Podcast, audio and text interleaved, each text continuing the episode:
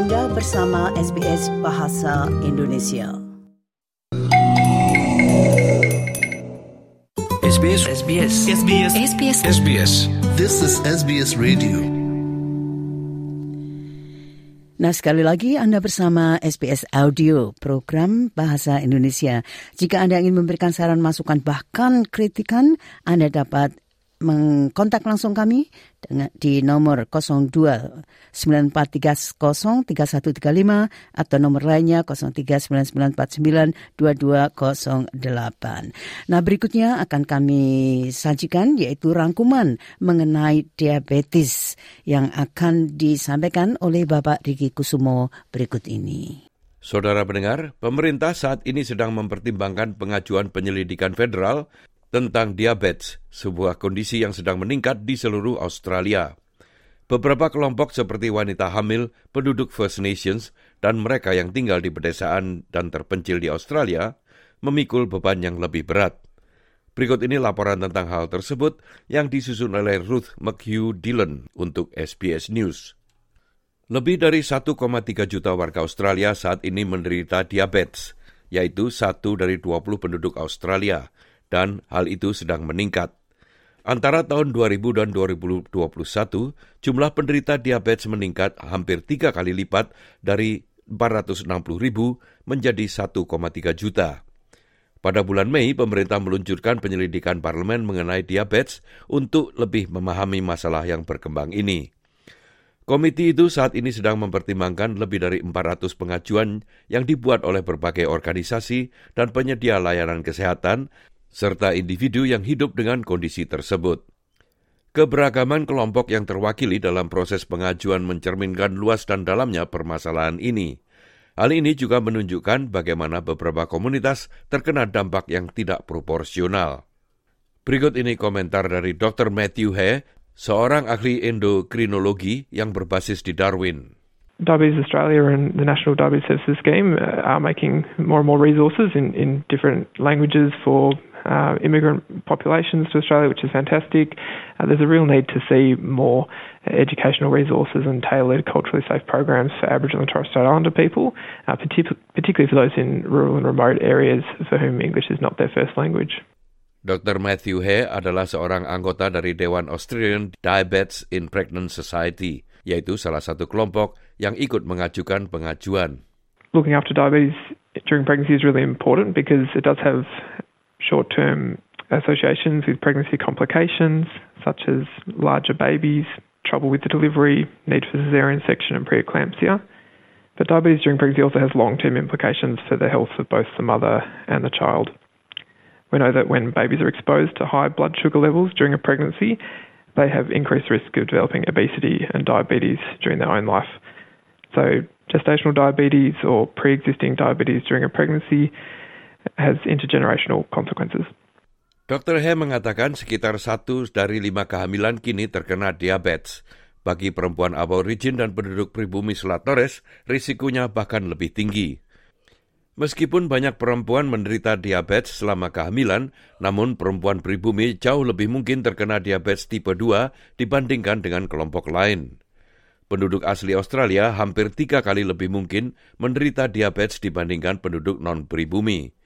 Ini adalah salah satu dari banyak kesenjangan dalam hasil layanan kesehatan yang menurut Menteri Kesehatan Mark Butler ingin ditutup oleh pemerintahannya. Ia berbicara pada bulan September yang lalu tentang peningkatan akses terhadap obat oral untuk penyakit ginjal diabetes dan perlunya berbuat lebih banyak. Uh, it's clear that, in spite of the best of intentions, very substantial investment, that the current approach isn't working. We need a new approach to work with community, to listen to community, by which I mean First Nations communities, about better ways to intervene, to change behaviours, and to close that gap. Salah satu kelompok lain yang mengajukan penyelidikan adalah Aliansi Kesehatan Pedesaan Nasional. Mereka juga sangat memprihatinkan hal tersebut. CEO dari organisasi itu, Susi Tegen, mengatakan isolasi geografis dapat menambah masalah bagi masyarakat pribumi yang menderita diabetes. The funding for Aboriginal and Torres Strait Islander people also needs to increase and it needs to be supported with Aboriginal communities.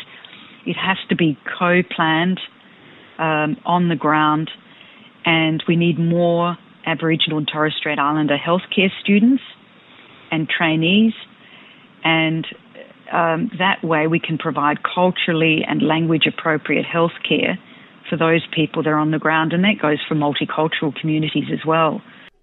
Tigen mengatakan masyarakat sering lupa betapa banyak industri di pedesaan dan terpencil yang bergantung pada pekerja internasional. Orang-orang dari beberapa latar belakang migran lebih mungkin terkena diabetes tipe 2, begitu pula kelompok usia yang lebih tua.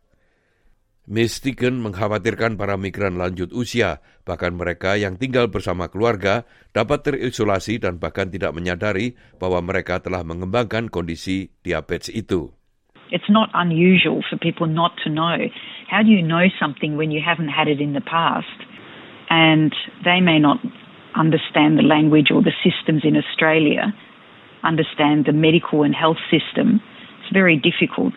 And, you know, they may not be telling their children um, that they have any problems. I mean, most people are quite stoic, and particularly in the in the in the country in rural Australia but if people come from another country and then they move to rural areas, I mean, they might actually be thinking, well, you know, we're really lucky in Australia, and they don't actually know what's available.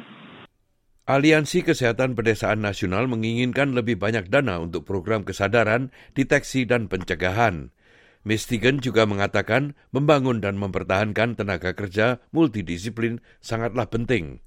Hal ini berarti program pelatihan menyeluruh di lokasi pedesaan dan terpencil untuk mengatasi kekurangan ketika orang-orang itu pindah untuk belajar.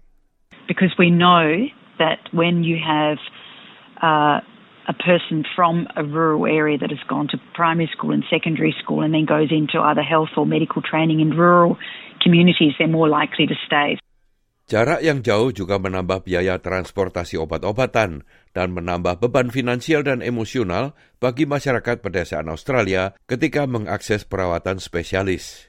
No, people have to go away from their work. Their children have to be looked after. They then have to pay for accommodation in the city.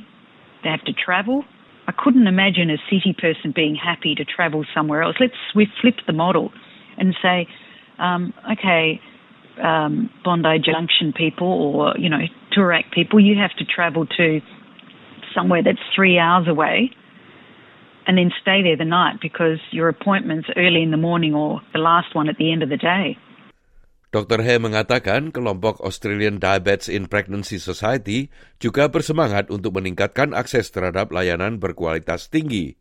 Ia ingin melihat lebih banyak uang disalurkan untuk teknologi dan sumber daya. Namun, katanya, hal yang lebih mendasar adalah mengurangi kesenjangan kesehatan di tingkat populasi. Targeting women who are at particularly high risk with individualised programs is fantastic, but really we need to be changing the environment as well. Uh, and that's our food environment, addressing uh, inequity and access to food. We know women with food insecurity are more likely to develop diabetes. Uh, and we also know um, that we live in an environment that increasingly encourages uh, sedentary lifestyle and uh, easy access to high caloric intake. Um, so we'd strongly support calls from others as well for fiscal policies like a, uh, a tax on sugar sweetened beverages as well. Pengajuan penyelidikan diabetes kini telah ditutup dan tanggal penyerahan laporan akhir belum diumumkan. Demikianlah tadi sebuah laporan tentang diabetes yang disusun oleh Ruth McHugh Dillon untuk SBS News dan disampaikan oleh Ricky Kusumo.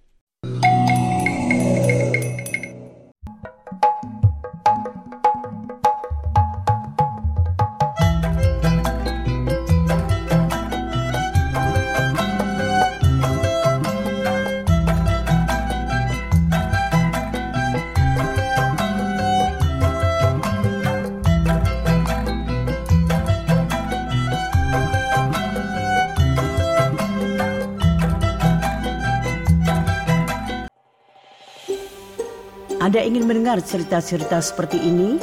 Dengarkan di Apple Podcast, Google Podcast, Spotify, atau di mana pun Anda mendapatkan podcast Anda.